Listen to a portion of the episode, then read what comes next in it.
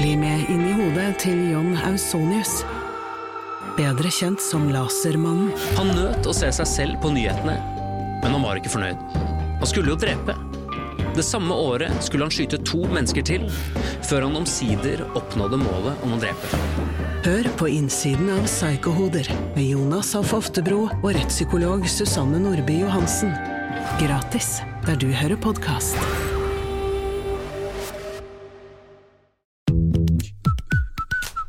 Og velkommen til Femihelse, en podkast om kvinnehelse fra A til Å. Og jeg heter Helene, Og jeg heter Sigrun. og vi har startet denne podkasten fordi vi mener at det bør snakkes mye mer om kvinnehelse.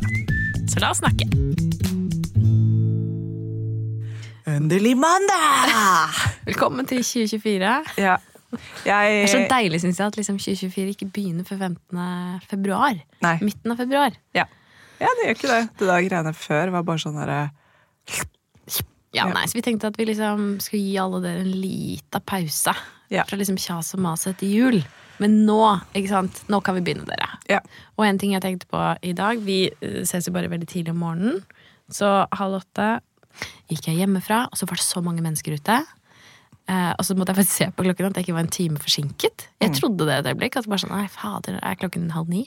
Men nei, lyset kommer tilbake. Menneskene kommer ut, orker å stå opp litt før. Godt tidspunkt å starte sesongen på. Ja. Det er smekkfullt på trikkene som jeg tar hver morgen til Bislett fra Fordi folk er late. Det er noe helt annet. Ja, det er jo litt vanskelig å gå også. Men jeg tror veldig mange kanskje kjenner på den at hjemmekontor i dette været dag etter dag etter dag er litt deprimerende. Så jeg tror også at vi kommer ut av hulene våre nå. Trenger å møte folk på kontor og på jobb og Sikkert mange som må være på jobbene sine òg, men ja, det, det, jeg er enig. Det føles ut som det er litt sånn Nå må vi It's ut. time, bitches. It's time, bitches. Og nå skulle jeg ønske vi hadde en rock and roll introlåt vi kunne sette på nå. Ja.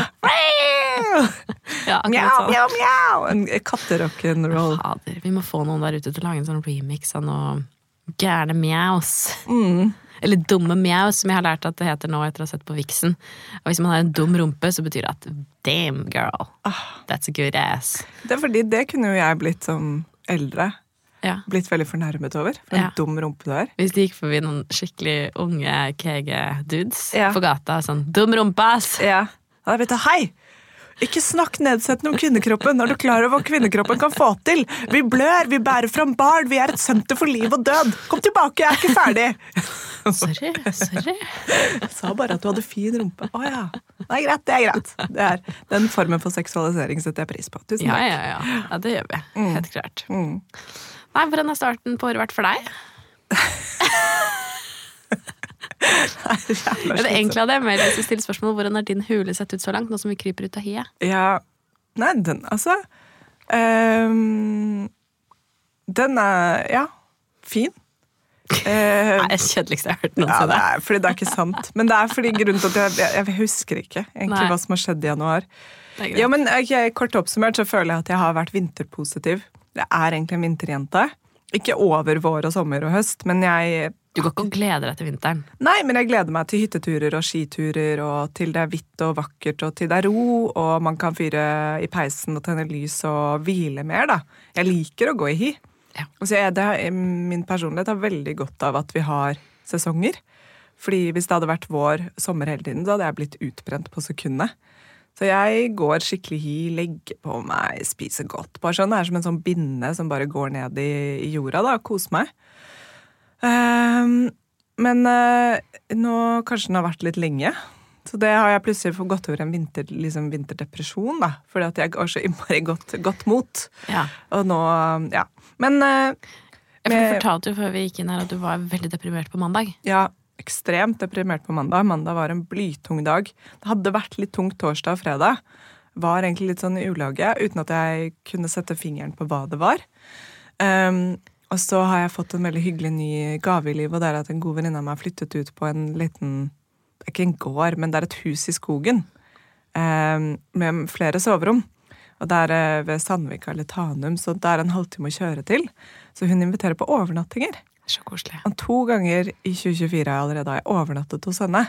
Da sitter vi liksom foran peisen og koser oss, og så går man og sover godt. og Det er helt stille der ute. Hun advarer alltid om at vi kan bli vekket av en rev som dreper en hare eller noe sånt. Hun hører sånne dødsskrik av og til. Mm. Sykt dramatisk. ja. ja, Det er veldig dramatisk. Men så lenge han man vet hva det er, så er det greit. det er derfor hun sier fra. Jeg er sånn Ja. Men uansett, koser meg veldig med deg. med det. Altså, du bor jo på, midt på Sofiemark, så du er ganske vant til dødsskrik. Jeg er vant til å høre dødsskrik, så jeg var sånn, jeg trenger ikke å advare meg. Jeg, av og til ringer jeg politiet, andre ganger ikke. Ja. Uh, men så Da drakk vi rødvin. Ja. Fredag, lørdag. Klassisk ting å gjøre foran peis. Ja, og så dagen etterpå så våknet vi opp, og da, da var det Rikke, han og meg, da. Mm. Så vi kan snakke ærlig om dette.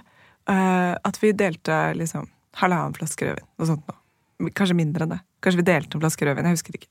Dritings. Um. Og så våknet vi opp dagen etterpå, alle tre bare så på hverandre. og bare, Av alle mennesker, hvorfor gjorde vi tre det?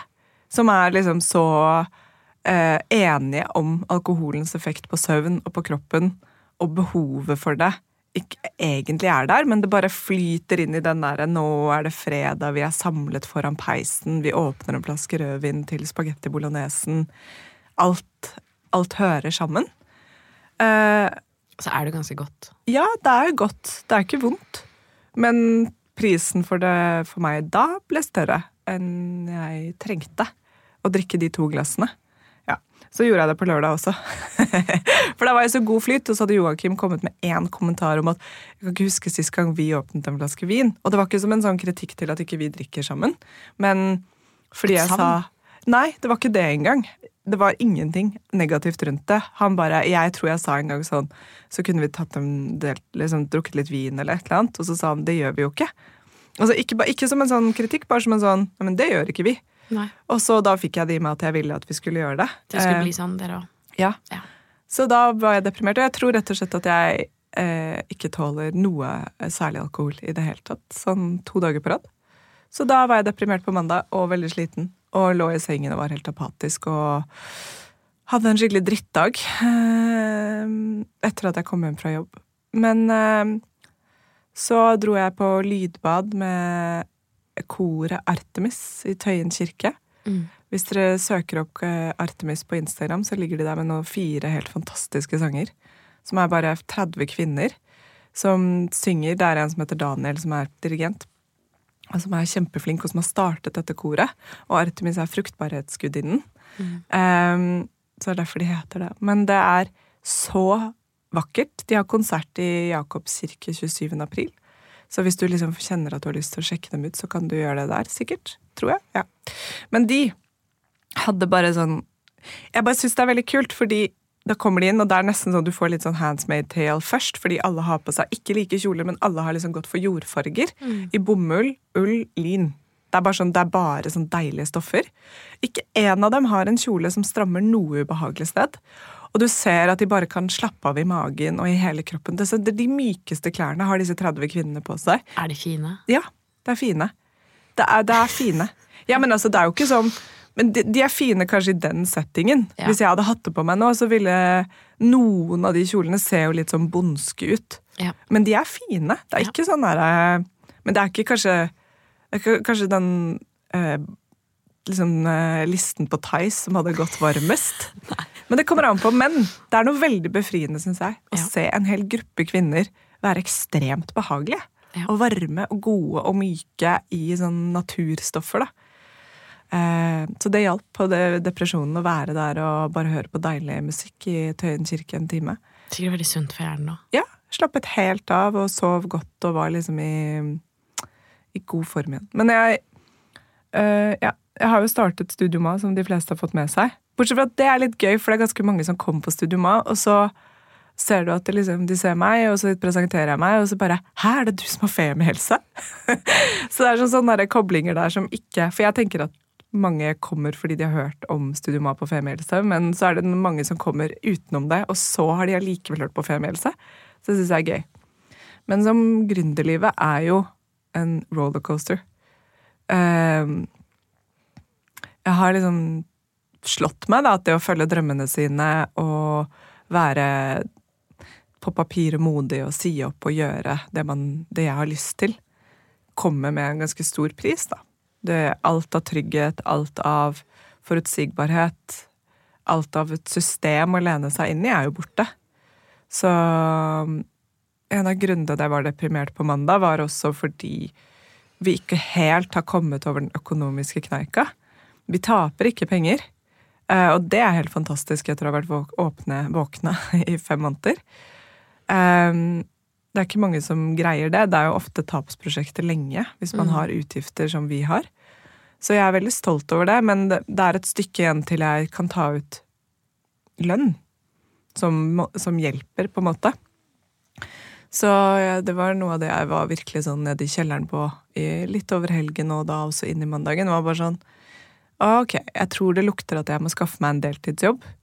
Um, og så er ikke det noe problem. Det er helt fint, men det er bare at jeg jobber allerede så sjukt mye på studium. Mm. At jeg kan ikke skjønne hvordan jeg skal eksempel jobbe to dager i uken et annet sted og ha overskudd til å få til begge deler, da. Mm. Så det var en litt sånn uh, deprimert runde. Men så er det da med gründerlivet så plutselig løsner noe annet, ikke sant? Går og ser over regnskapet, ser over medlemsantallet, ser over liksom prognosene og bare sånn ah, Ok, kanskje det går bra likevel? Så det er virkelig sånn der eh, fra en dag til en annen, da. Um, og det føler jeg at eh, jeg snakker med veldig mange som har startet for seg selv og gått over til å være frilanser eller gått over til å drive noe helt selv, at det er Du vet ikke at lønnen kommer den 20., Mm. men når det går bra, så er det så euforisk digg følelse, da. Da har man på en måte nailet både å gjøre noe man har en eh, brenner for, og som føles riktig å gjøre, og som er gøy å gjøre, og man tjener penger på det. Men den derre første, å bare gjøre det, det er egentlig den største delen, ikke sant? Mm. Og så kommer pengene etterpå. Forhåpentligvis. Eller ikke i det hele tatt. Vi får håpe at det gjør det, da. Ja, jeg så jo eh, dessverre skikkelig trist at The Fjong, eh, Vibrant, Mm. gikk eh, konkurs i Ja. går Kjempetrist. på Valentine's Day, Ja. når vi spiller inn dette på torsdag. Å, fy fader, som de har jobbet på. Mm. Sigrun og Maria. Maria. Charlotte. Sigrun er jo gründeren, i hvert fall. Ja. Så det er skikkelig triste saker. Ja, veldig kjipt. De har åpnet opp i Danmark, og for dere som ikke kjenner det, så er det jo klesutleieselskap. Mm. Og så Eh. virkelig satt Norge og Skandinavia på kartet for at vi som et rikt foregangsland kunne liksom vise vei Mm. i det markedet der, da. Ja. I hvert fall kan skaffe oss klær på litt andre måter. Ja. Nei, sykt kjipt. Samtidig så skjønner jeg at det er en veldig vanskelig businessmodell, det der. Um, Det er jo litt sånn det som er utfordrende med klær, at man vil jo gjerne liksom ta på de, prøve de. Det er alt det der som er utfordrende. Ja, Du må endre tankesettet ditt også på at du ikke skal eie noe. Mm. Du skal bruke det, så skal du gi det tilbake igjen. ikke sant? Mm. Som egentlig er veldig deilig. Men mange kan kanskje kjenne på at de blir glad i et plagg osv. Vi kan jo invitere kanskje Sigrun en gang til å komme og prate litt om den reisen. Det hadde vært kjempespennende. Mm. Men, eh, men det som er litt sånn bunnlinjen også i det, er at øh, jeg har alltid heiet veldig på Fjong, Mm. men jeg har ikke brukt det nok. Nei. Og det er sånn jeg opplever med Studio Maus, at veldig mange heier og håper at det skal bra, gå, gå bra, men bruker det ikke. Nei. Vi har jo masse tilbud som er engangstilbud. Du trenger ikke å være medlem, ikke sant? Men, så det er sånn um, Det er noe jeg prøver å tenke mest mulig på når, uh, når jeg hadde mer penger enn det jeg har akkurat nå. Da. Det kommer til å gå bra med meg, det løser seg på en eller annen måte. Men bare at jeg brukte pengene mine, som vi har snakket om før, på ting man har lyst til at skal flyte. Mm. Om det er å bestille liksom, massasje der, eller en Altså ved å støtte folk du har lyst til Yes. å støtte, eller bedrifter. Mm. Ja, og ikke bare sånn thoughts and prayers. At du håper at det skal gå bra for dem. Og at du liksom, men at du støtter ved å Besøke de. besøke, bruke pe legge pengene der. Mm. Putte pengene dine. Penger er en, som en sånn stemmeseddel på hva som skal gå bra i samfunnet. Ja. Men også selvfølgelig støtter vi å dele på sosiale medier. Hvis du er innom et sted eller digger et sted, dele det. Mm. Det mener jeg er skikkelig sånn ehm, At vi alle burde ikke, Nå snakker jeg ikke bare om, om Studioma, men når jeg tenker nå at Fjong har gått konkurs, så blir jeg sånn Sutter'n! Jeg skulle jo kasta meg på det Mm. Og gjort det lenger. Jeg var medlem i noen måneder. Og så var ikke det riktig tid for meg. Men nå er det for sent, ikke sant? ja. Så Nei, man må ikke vente i hvert fall med ting man liker. Nei. den restauranten eller den whatever. Mm. Hvis man har Hvis man bruker penger et sted, så må man Ja, eller det er i hvert fall en aktiv støttehandling man kan gjøre, da. Ja. Den viktigste, kanskje. Jeg snakket med vår favoritt blomsterdame, Ja. Karusell, ja. Tørka blomster. Ja. Mhm. som vi elsker. Og hun holder til i Grünergata, så hvis du vil ha de vakreste blomstene noensinne, gå dit. Eh, lager også brudebuketter og alt sånt til en ok pris, så hun er helt fantastisk. Eh, men hun fortalte meg at når det er dyrtid, som det er nå, at folk har mye strammere økonomi pga. renter og økte matpriser og alt er bare veldig, veldig dyrt nå, Mm. så sa hun at det er to eh, på en måte grupperinger som alltid går opp, eller to liksom produktlinjer som alltid går opp. Det er blomster og sminke. For det er sånn cheap luxury som du kan unne deg. Du kan gå og kjøpe deg en ny blush og føle deg Det bra. har vi snakket om her før, tror jeg. Leppestifteffekten. Ja. Mm. Eh, Men hun sa også at det er gøy, fordi på Karusell så har hun, eh, henger det bilder av en fantastisk eh, kvinnelig kunstner. Ikke at det har noe å si, men hun er i hvert fall en dame som bor i Palermo og sitter og maler og høres så deilig ut. Men de bildene er ikke spesielt dyre. De kan koste kanskje, Noen av de koster la oss si 2500, som er billig for god kunst, syns jeg. Eh, og, men hun sa at uh, ofte så kommer folk og kjøper blomster for la oss si 600 kroner, 800 kroner i uka. Men å kjøpe et sånt maleri for 2500, det føles ut som en stor investering. Mm. Men det er så gøy når man tenker på hva man bruker penger på på én dag. Mm. Men hvis du ser i løpet av en måned, som er den vanligste intervallen for en lønn for de aller fleste av oss, Ja. så er den investeringen for høy.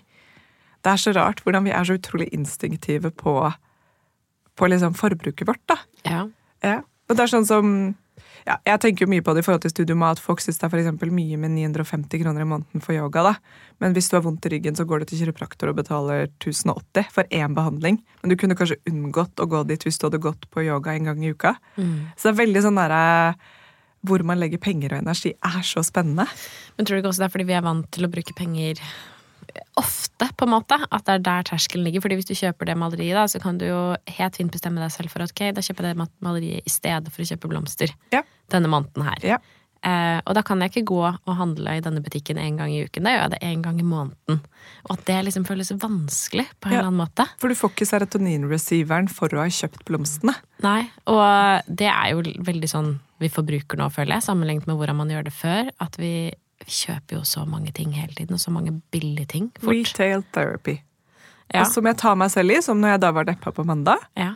og skulle gå en tur for å prøve å lufte hodet litt, så har jeg hele kroppen min har bare lyst til å gå i Markveien. ja. Og det er nesten sånn at jeg går innom Bodyshop. skjønner. Jeg kjøper jo aldri noe fra Bodyshop, men jeg har lyst til å gjøre det. Jeg er bare sånn, «Ah, Kanskje jeg trenger en ny sånn der balm som jeg ikke har lyst til å bruke engang. Ja. Men jeg trekkes mot det. ja. Fordi hjernen min bare ønsker en spike da, av Ja. et eller annet. Og da er det jo selvfølgelig superfint å gå og kjøpe blomster eller et eller annet. Det er ikke det at det er noe galt å gi seg selv de små gledene, mener jeg, da. Jeg unner meg selv ofte det. Mm.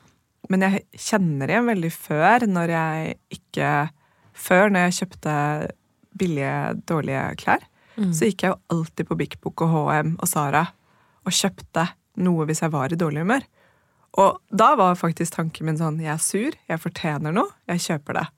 Og så er jo Ada Martini ja, Det er mange som har gjort meg liksom mye mer klar over det mønsteret hos meg selv. da. At det er en form for um, døyving eller støtte av følelser, da. Som kan være helt fint. Det er Av og til fortjener man Eller ikke fortjener, men av og til er det digg å bare kjøpe seg en fin kjole og føle seg godt i den. Det kan ha en god effekt. Men uh, jeg har i hvert fall blitt veldig klar over det, hva jeg holder på med der. da. Det er superspennende. Mm. Så hadde jo vi et lite ha-øyeblikk her ute i resepsjonen på Ja, hos Bådog. Det var nesten irriterende. Jeg vet det, for vi ville spare det øyeblikket til For vi snakket om hva skal vi snakke om. Nei, jeg føler mest at det, det er noe som eh, jeg har hatt for meg selv. Det har vært helt unikt for meg. Nei, og så Og så var det så lite unikt. Ja, altså jeg, har jo, jeg snakket jo om min eh, nyttårsforsetter for 2024, og der eh, har jo jeg fruktens år. Du har jo kreativitetens år. Ja. Jeg har fruktens år. Har Og depresjonens år, jeg glemte det. Ja, det er det viktige, Ja. selvfølgelig. Mm. Som jeg har gått hardt inn i. Um, jeg er jo ikke så veldig glad i frukt, men også, fy, nå skal jeg skjerpe meg, liksom. Nå Jeg tar dette på ramme alvor. Presser nedpå de mest fargerike ting. Men ikke norske frukter. Nei, det liker jeg ikke. Um, Så eh, har jeg, følger jeg noen Instagram-profiler fra Danmark. Det er jo det jeg syns er de mest inspirerende menneskene i denne verden. Eh, hjemmeværende mødre i København. Som driver med litt sånn egne greier på si. Ja. Ah, men jeg elsker det, og jeg har lyst til å leve og gjøre akkurat sånn som de tingene de gjør. Og spesielt en eh, dame som jeg følger, hun spiser mye pomelo. Ikke sant? Og jeg har vært helt obsessed. Jeg, har vært, jeg hadde en dag her fordi jeg fikk tak i det. Det er jo ikke så lett å få tak i. Nei. For å presentere pomeloen. Eh, pomeloen ligner på en Nå er jeg spent. Nå er jeg spent. Ja. Fordi jeg tenkte på for jeg tenkte på hvordan jeg skulle presentere pomelo i dag tidlig. Okay. Så nå er jeg spent på hvordan du presenterer det. Ja, jeg vil presentere det som en eh, stor grepfrukt. En krysning mellom grepfrukt, appelsin og en annen frukt. Som Ja. Og så vil jeg si at det er en tørr sitrusfrukt. Eh, Den er ikke spesielt saftig. Det er en kirurgisk skrelling som må til av ytre og indre skall, og du må ut med Du må filetere ut disse fruktfiletene. Men når du kommer inn, altså den prisen den er verdt det, altså, fordi det er en fantastisk frukt. Den er akkurat passe sur, akkurat passe søt, akkurat passe tørr. Ja, jeg elsker den. Ah, det er eh, veldig likt hvordan jeg ville beskrevet den. Ja. Eh, og bakgrunnsteppet for praten om pomelo er at vi spurte, Signe spurte hva skal vi prate om, sa jeg jeg vet ikke. Nå visste jeg tydeligvis veldig mye jeg skulle prate om, da, for jeg har allerede pratet mye. Ja. Eh, sa jeg, men jeg vil snakke om min nye favorittfrukt, pomelo. Og skuffelsen og gleden var lik i dine øyne. for vi har både fått dette som favorittfrukt. Men jeg, jeg fikk tak i det endelig på um, Coop på Carl Berner. Ja. En sjeldent godt utstyrt matbutikk. Åh, elsker. Ja, jeg elsker. elsker den. Bare gå der. Alt kjøp økologisk. Hele Bonasana-serien. I. Jeg kjøpte én pomelo, ble gal.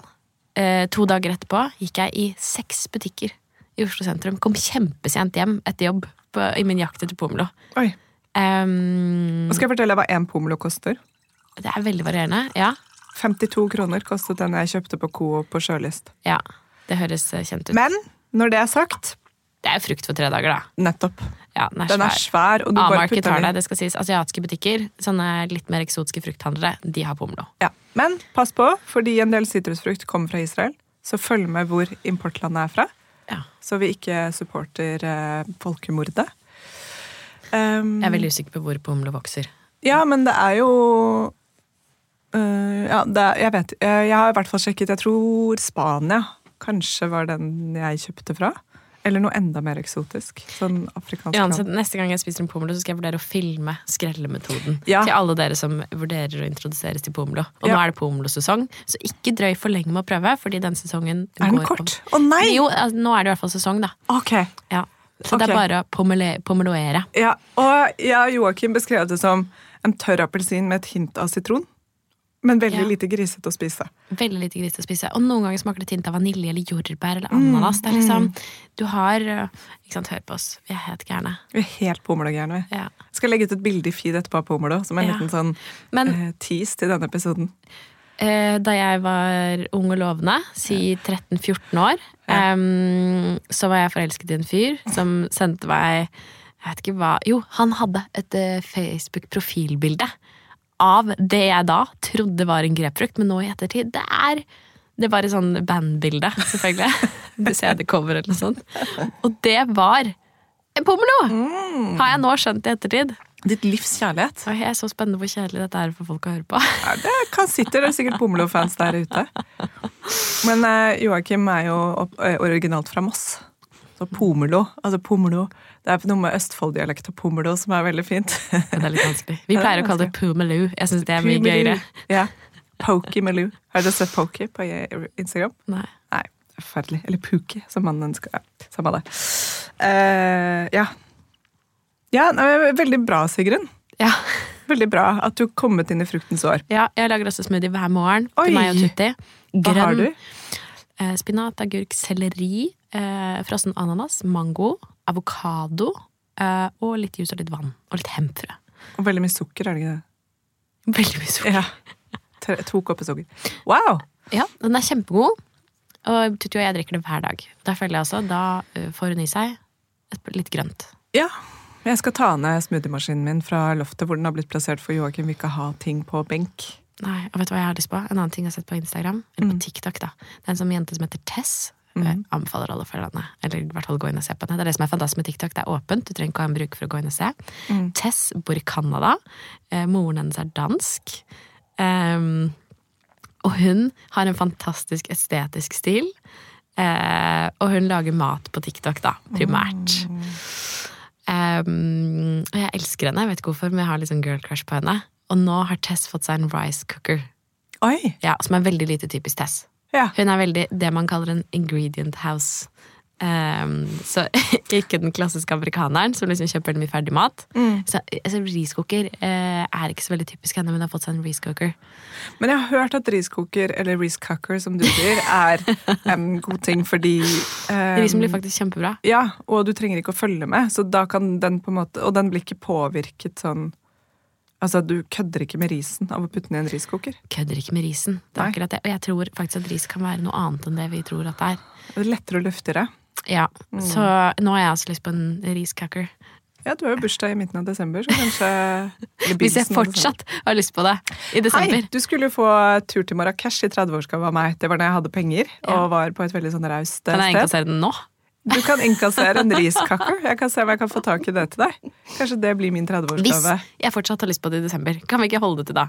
Ja, men det- skal du ikke svær. ha det hele dette halvåret her, da? Ja, men Kos det kommer an på Fordi den er jo en stor ting å ha på benken. Ja, Ikke sant? Apropos, så hvis jeg fortsatt har lyst på det i desember ja. Da. Men er ikke Jon ansvarlig for å ta ting opp og ned fra loftet? Så hvis jo, han Han er løftsobodansvarlig. Ja. Han, men han, er ikke, han liker ikke så godt den rollen. Nei! Ingen liker roller de har blitt påtvunget av andre. Men sånn er samfunnet og livet. Man skal på en måte passe inn i noen roller man ikke trives i. Ja, det er sant. Og kjenne at sjelen dør sakte inni Ja. den boksen. Det er sant. Ja. Jeg skal vurdere meg når man kan er positiv til å ta den opp og ned ukentlig. Daglig. Jeg, apropos roller, så hadde jeg sagt til Joakim at vi skulle Valentine's Day er jo ikke Ja, det var, kom og gikk, da. Men vi var på Pillefiken og hadde en veldig hyggelig middag der. Ja. Vi møtte Torbjørn Brokstein, Shout-out. Shout shout out. Shout-out. og så Naturlig ting å si. Det er bra. Ja. ok. Og så hadde jeg da Jeg hadde booket dette bordet og ordna og fiksa, og så sa jeg til han i tillegg til at vi For vi sto på venteliste, så det var ikke sikkert at vi fikk plass. Så sa jeg da syns jeg hvis ikke vi får plass, skal vi feire Valentine's Day med pomelo, og at du gir meg blomster. Og så Ja. lo jeg sånn kokett liten sånn he-he, og så sa han sånn ok. Så da følte jeg at han hadde fått beskjeden. Ja. Ja.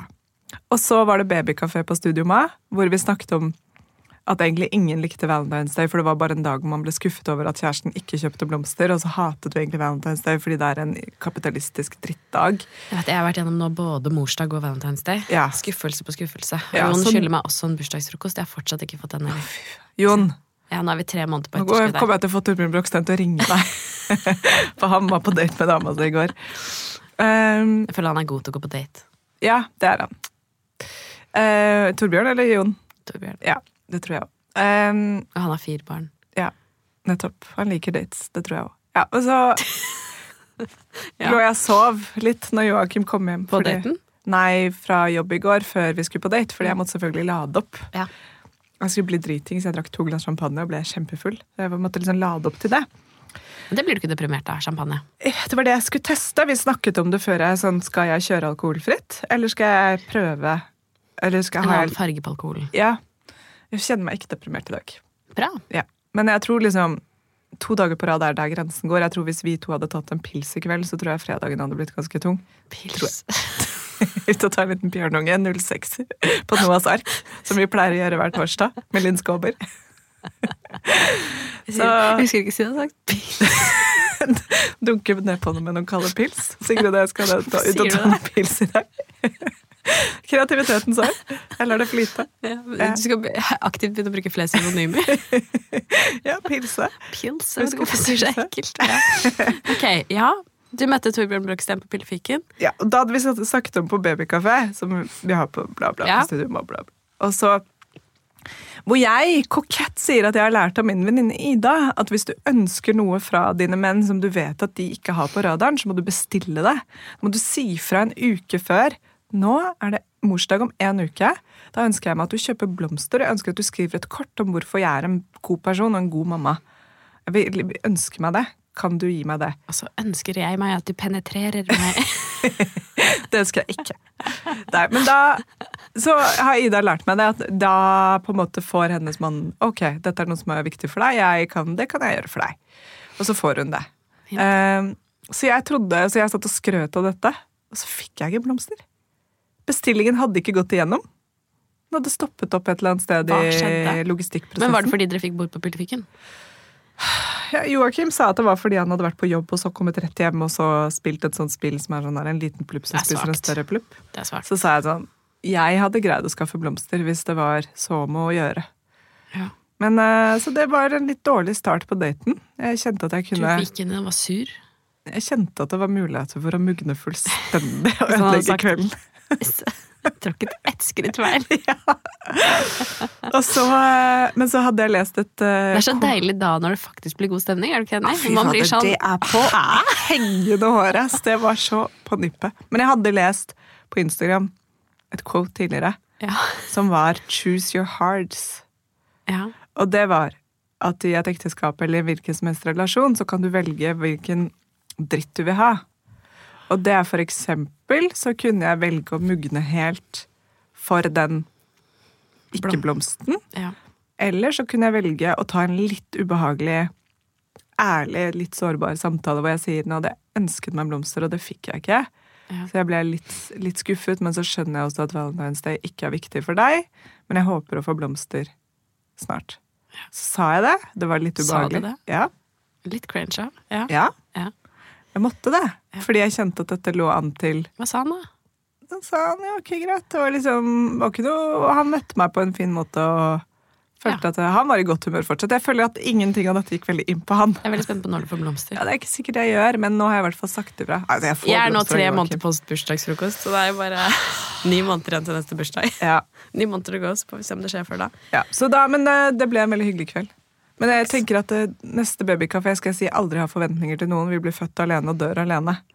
At det er en bedre måte å leve livet på, da. Det er som Leo Ajkic sa i den siste episoden av Kladna da- daua. Ja. Det eneste du må, er å dø. Eneste du må, er å dø. Ja, det eneste du må. Ja, Alt annet kan du i teorien velge bort. Det er så sant. Ja. Det er digg, ass. Det skal være mitt motto for the day. Men apropos mm, mannlige podkaster. Ja. Ehm, jeg har jo da blitt veldig inspirert av uh, Mr. Pimplotion. ja. Fordi um, eh, Omdiskutert type. Omdiskutert, ja. Ja. Veldig. Eh, han har jo da sett på kroppen sin som et oppussingsprosjekt og har gått hardt inn i biohacking og spiser lever og drikker morsmelk og noen grønne blader. Ja. Eller jeg tror ikke han spiser noen grønne blader engang. Tror jeg har noe gammel morsmelk i fryseren. Vil du ha den? Eh, jeg trenger den ikke, men han vil sikkert ha den. Ja, ok. Send han en melding på Instagram. Ja, gjør det. Men han leverer jo sånne mm, munnplaster Ja. som gjør at du skal sove med munnen lukket. Mm. Og jeg snorker ekstremt mye. Slitsom for Joakim. Ja, Av og til så har han måttet gå og legge seg på sofaen. Ja. Og det er spesielt hvis jeg har drukket litt eller er bitte litt forkjølet. Og er sånn, da er det noe så tett i halsen min at jeg åpenbart jeg, altså jeg snorker når jeg sover på magen. Altså, du, du kan vri meg i hvilken som helst posisjon. Du kunne hengt meg fra bena etter taket, liksom, jeg hadde fortsatt snorket. Mm, og så kan jeg ha ganske dårlig søvn til tider. Liksom mareritt og urolige netter.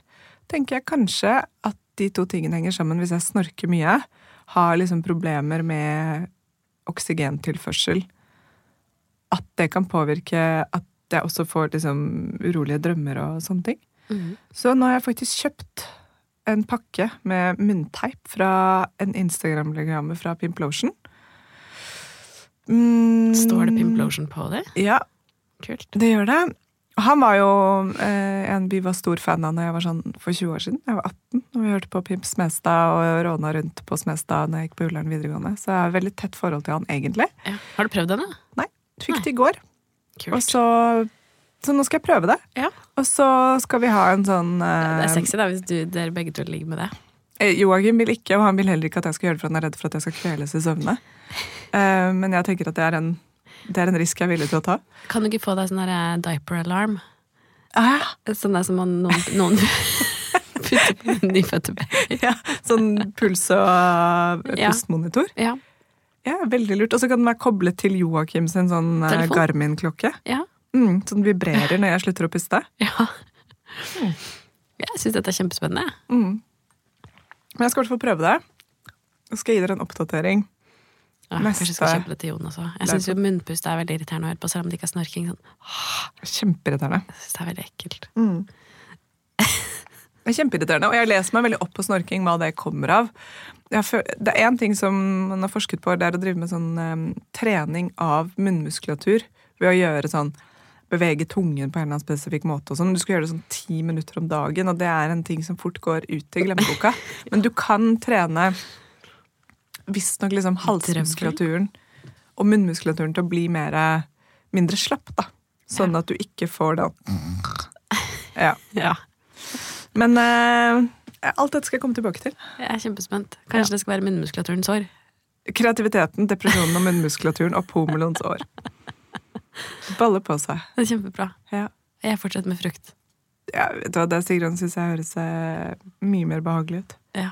Det er ikke så behagelig, da. For Nei. en som hater frukt. Ja, det er sant. Jeg har det tøffere enn de fleste, tror jeg. Ja. Hva med at du bytter til bærens år? For jeg føler du er veldig glad i bær. Bærens?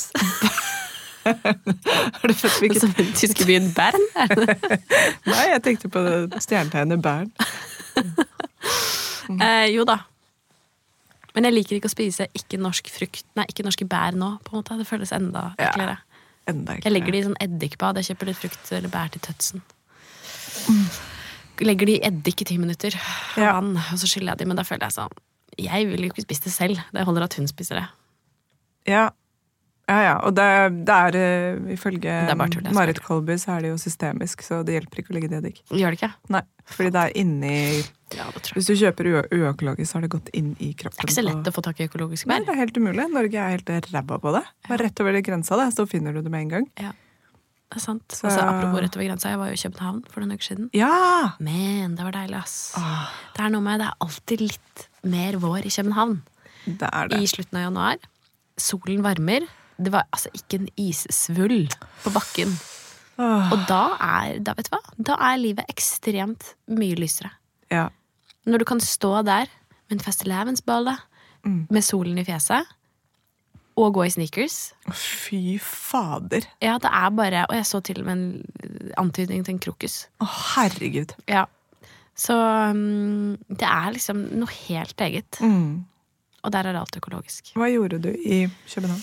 Eller jeg vet det, men det er sånn ledende intervjuspørsmål. Ja, det var eh, en Jeg var der med Theis. Jobbtur. Vi lanserte verdens verste kjole under Copenhagen Fashion Week. En eh, kjole som hadde en prislapp på 2,1 milliarder kroner, som tilsvarer det årlige utslippet til fast fashion-industrien, som er ganske sprøtt. Mm. Så um, det var sykt gøy. Eh, Det kom bilde av kjolen i Vogue. Eh, ja, Det sto ikke hvem det var på bildet, eh, som var jo, eller hvem som hadde laget kjolen. Men det er det som er problemet med streetstyle. Ja. ja, Så det var sykt masse folk som tok bilder av eh, fantastisk vakre Thea Sofie Loch Ness, som vi hadde med som vår Ja, som hadde på seg kjolen på Fashion Week. Um, ja, nei, så det var kjempegøy. Great success, vil jeg si. Skapte liksom veldig mye engasjement. Morsom måte å kommunisere problemene med moteindustrien på. Mm. Eh, overraskende liksom. Jeg tror ikke vi hadde tenkt over at det skulle være litt sånn guerilla marketing. Vi hadde bare egentlig ja, tenkt å dra dit og ta noen kule bilder og sånn, men det, var, det skapte masse oppmerksomhet, så det var veldig gøy. Kult. Um, men København er så deilig. Jeg har jo egentlig en fast tur til Køben med venninne siste helgen i januar. I år skal vi til Gøteborg. Um, nå til helgen, faktisk, så det blir sykt deilig. Aldri vært i Gøteborg før. Ikke heller. Nei, Jeg bare kjørt feil. En gang jeg hadde vært på en hytte i Sverige, så kjørte vi feil vei i to timer. Jeg har litt dårlige nyheter om Liseberg. Ja, Mm. fuck. Ja. Kanskje bli med, da. Ja. Det er brent, ikke sant? Ja. Nye badelandet. Ja. Nedtur. Nei, vi skal ta toget lørdag morgen Åh, klokken åtte. herregud. Um, vi vurderte å dra fredag kveld, men jeg var sånn, men det er så hyggelig å ha den morgenen på toget. Vi skal ta uh, toget klokken åtte. Kaffe, frokost på toget. Kommer vi fram, har vi booket lunsj på et fresh day klokken ett. Så skal vi bare tusle og tasle rundt i Göteborg på en hyggelig middag. Så har vi bestilt et ekstra deilig hotellrom. Eh, booket spa til morgenen etter. Så skal vi tusle og tasle og ta toget hjem igjen klokken fire. Å, herregud. Ja, jeg tror det blir en, et, Så utrolig deilig. et drøyt drømmedøgn. Hva koster toget tur og tur Gøteborg? Eh, jeg er usikker, faktisk. Men liksom, Er det 5000 eller 800? Nei, nei. 800. Ok. Tur og tur-type. Wow. Ja. Og det tar det- tre timer? Tre og en halv? Ja, tre og en halv time. Ja. Og jeg, jeg gleder meg mest til togturen. Ja, Ja, enig. og bare sitte der. Jeg gleder meg sykt mye til å snakke med Tuva. Det var lenge siden jeg har snakket med henne. Ja. Sitte der, drikke kaffe, se ut av vinduet, strikke. Jeg håper det er stille der. Mm. Har dere booket plasser på toget? Det vet jeg ikke. Nei. Jeg Satser på at det går bra. Ja, ja, ja. Um, nei, det blir megadeilig. Å, det høres helt fantastisk ut. Ja, det er en drøm. Ja. Men ehm, Så det skal jeg fortelle om i neste episode. Forhåpentligvis hvor fantastisk det var. Vi skulle egentlig dra forrige helg til Göteborg, Mm. eh, men da fikk hele familien en omgangssyke. Det Og- går for tiden. Ja, det. og det som er ekstremt positivt, er at Göteborg viser at Göteborg er et veldig lite attraktivt reisemål i februar. Eh, Så vi kunne flytte alt en uke. Hotell, restauranter, alt. Det var null stress. Å. Spa. Så det bare ordna seg. Å, så deilig. Har du sjekket uh, som for hvordan er Göteborg der nå? Ja, det er eh, to grader, men eh, opphold. Ja. Og jeg setter jo veldig pris på en god avlysning. ja. Ja. Det er det beste. Så, ja, så når den avlysningen kom, så var jeg sånn uh, digg. Ja. Chill. Da har jeg en helt åpen helg. Ja. Så det var deilig. Mhm. Men før vi avslutter, så må jeg faktisk bare fortelle om eh, to fantastiske vintagecup jeg gjorde i København. Ja. Fordi dette skjer aldri meg. Eh, og det skjer ikke i Norge. Jeg gikk inn, jeg hadde en halvtime før en middag. Det var liksom primært jobb, så jeg hadde en halvtime. Jeg er sånn, å, nå skal jeg gå sammen med en annen innom noen butikker på vei til middagen. Og så går vi inn i en butikk hvor det er sånn sykt mange ting. Men det er liksom sortert etter det er sånn blazere, kjoler, jumpsuits, gallakjoler. Um, og så finner jeg dritmange ting som heller aldri skjer når jeg går i bruktbutikker. Jeg, selv om jeg jobber med brukte klær, jeg burde være bedre på dette her, men jeg bare, jeg synes det er vanskelig. Finner jeg masse ting jeg prøver, eh, blant annet en liten svart ullkjole. Jeg var sånn, oi, den så fin ut, liksom. Og så tar jeg denne kjolen, eh, tar den på, sitter som støpt. En svart liten minikjole med liksom T-skjorteermer. Og så ser jeg på liksom, hva er den laget av? Kjennes ut som ull. Eh, 30% ull, nei, 30% silke. 70% ull. Eh, og så ser jeg på lappen bare sånn, å ja, det er en Valentino til 220 kroner. Nei. Fordi i denne butikken så priser de alle plagg det samme. Altså alle kjoler koster det samme, alle jakker koster det samme. Å, fy Og jeg bare hvisker til hun jeg er sammen bare sånn, det er en Valentino. Eh, og så er jeg bare sånn, håper ikke de ser det i kassen, for da kommer de sikkert til å kvadruple prisen, liksom. Mm. Eh, og så kom jeg dit, bare, og han bare, oh, it's a Valentino, we get that sometimes, you got lucky. Jeg Oi. var sånn, ja. Helt sjukt. Ja. Eh, og så går jeg litt videre, ta-ta-ta, inn i en bruktbutikk som ser veldig fancy ut. Og så Ja. ser jeg sånn, oi, der henger det en sånn eh, sort og hvit eh, rutet hundetannsmønsterdress i ull. Hundetannsmønster. Ja. Ja. De som vet, de vet. Men det er liksom sånn svart og litt sånn nesten kjekt. Jeg skjønner hva du mener. Ganske Litt sånn trendy. Chanel-type. Ja, Ja. typ. Um, og så prøver jeg den, og toppen på denne dressen, en two-piece, er, eh, har en sånn firkantet, fin utringning. Mm. Um, og så har den på en måte bare én knapp på siden, eh, så det er ikke en, ikke en blazer. Sitter også som støpt. Buksen, også høyt liv, ullbukse. Um, veldig fin. Så ser jeg på lappen, og det er en Armani-dress i 100% ull. Til 700 kroner. I min størrelse. Ja, men altså, hva, er, hva skjer? Hvilken dag er dette her, liksom? Ja. Eh, så jeg måtte jo bare kjøpe den. ja, selvfølgelig. Um, og det som jeg da ble eh, Men Sigrun, jeg bare si en ting med danske ting. Der har du også Husker du når vi kjøpte de matchende kjolene? Og de så på danske kroner. Ja. For det er jo da Nei da. Ja, det er Men fantastisk. uansett, da. Uansett okay. 1200 kroner eller 5000 Poenget mitt egentlig med hele denne fantasihistorien er jo at eh, vintage i Norge er så dyrt. Ja, Fordi her priser vi ting etter merke. Som er helt teit. Ja, sånn at på en måte Den Valentino-kjolen hadde kostet mange tusen. Den Armani-dressen hadde i hvert fall kostet mange tusen. Ja. Bare fordi de har de merkene de har. Som ikke har Um, en dritt å si. De er laget på den samme butikken som produserer Sara Crap-Oft. og- Ja, eller bare sånn, og at på en måte, bare brukt er veldig dyrt ofte, da. Um, Fordi man tillegger det på en måte en sånn ja, ekstra verdi. Ja. Som gjør at det blir på en måte, vanskeligere å velge brukt fremfor nytt. Og ja. Nei, så det var veldig gøy. Kult. Ja. Det, jeg føler det er sånn, det skjer veldig sjeldent. Ja. Så gratulerer. Så kult. Tusen takk. Kanskje det er noe bra vintage i Göteborg òg. Jeg håper det. Ok, jeg må, eh, Siste ting før vi avslutter. Siste, siste. Siste, siste. Jeg Ja. skal si det raskt. Fordi eh, jeg er veldig glad i en podkast som heter Viggo og Philip. Anbefaler å sjekke ut. Men han snakket der om at eh, Viggo Johansen snakket eh, der om Viggo Johansen er som et tullenavn. Ja, men det er ikke det. Han er en tidligere munk og mindfulness-guru. Ja. Ikke guru, men god på det. Ja. Eh, han snakket om at det å gjøre bra ting ofte er ganske dritt.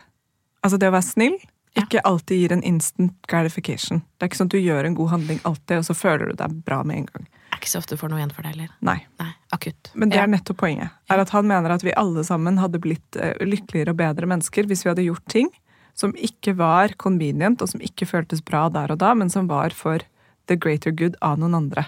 Men ikke at man alltid selvfølgelig skal sette seg selv sist. Man må liksom ta vare på seg selv. Men bare veldig, veldig kort, så var jeg med på eh, en demonstrasjon eh, mot eh, folkemordet i Gaza på morsdag, hvor, som var ekstremt rørende, hvor vi gikk fra Østbanehallen bort til The Mother ute på Sørenga, i stillhet. Masse palestinere som var med. Vi var et langt tog, det var masse små barn, det var mange mødre, og det var en veldig sånn heftig følelse å gå der. Og vite hva som pågår, og vite at dette har pågått nå. At Israel har drept snart 30 000, og at 12 000 av de er barn i fem måneder, og at vi ikke gjør en dritt for å stoppe det. Det er, det er, det er så heartbreaking. Eh, Jeg gikk i dette toget, det var ubehagelig å gå der. Det var emosjonelt vondt. Det var bitende kaldt. Jeg hadde tatt på meg veldig lite klær, som i det store og det hele føles ut som en sånn prikk i havet i forhold til hva som skjer eh, i Palestina nå, og som har skjedd i 75 år, men det, ja. Og så tenkte jeg på det etterpå at eh, det er dritt å gå i demonstrasjon. Det er kaldt, det er mange mennesker, man kan få sosial angst eller føle klaustrofobi, det er mye følelser, man er rundt mange i sorg, mange i sinne. Eh, Men jeg vil allikevel bare komme med en oppfordring til at neste gang du får med deg en demonstrasjon for eh, Palestina, at du drar. Og jeg vet at dette er en dråpe i havet i forhold til at det er ikke så liksom um, Ja. Men det er bare min refleksjon, for etterpå så var jeg litt sånn sur, for det hadde tatt halve søndagen. Jeg var sliten, jeg var kald. Jeg måtte hjem og liksom virkelig varme meg opp. Men som er ingenting i forhold til hva som skjer der nede heller. Men det var bare en refleksjon på at um, jeg skal være klar over at veldig mye av det jeg gjør som jeg tenker at er bra, ikke nødvendigvis gir meg den gode følelsen med en gang. Men jeg tenker tilbake på at jeg fikk være med på det. Så jeg er veldig glad for at jeg var der. Og at det var veldig sterkt. Det var veldig, Og spesielt jeg som har valgt å bli doula. Å stå og høre på hvordan kvinner nå må føde og bære fram barn. Og at spontanaborter har økt med 300 mm.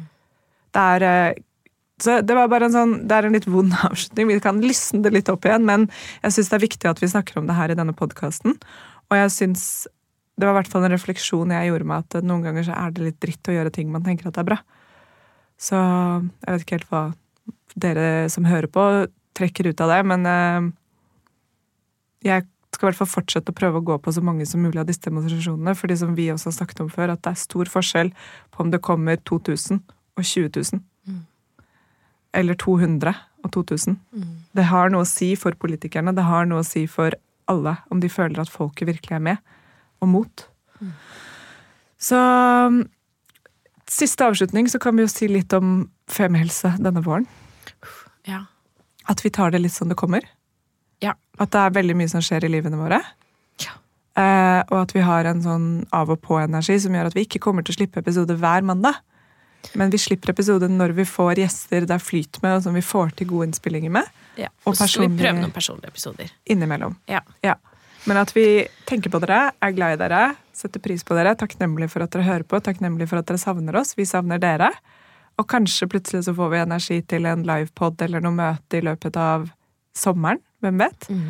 Men vi lover ingenting. Og, og det er litt deilig. For det eneste vi må, er å dø.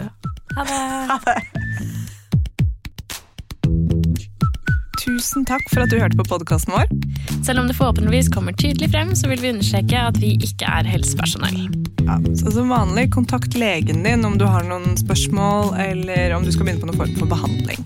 Og har du et tema som du har lyst til at vi skal snakke om, eller noe ris eller ros, så send oss gjerne en melding på Facebook eller på Instagram. Der finner du oss under Femihelse.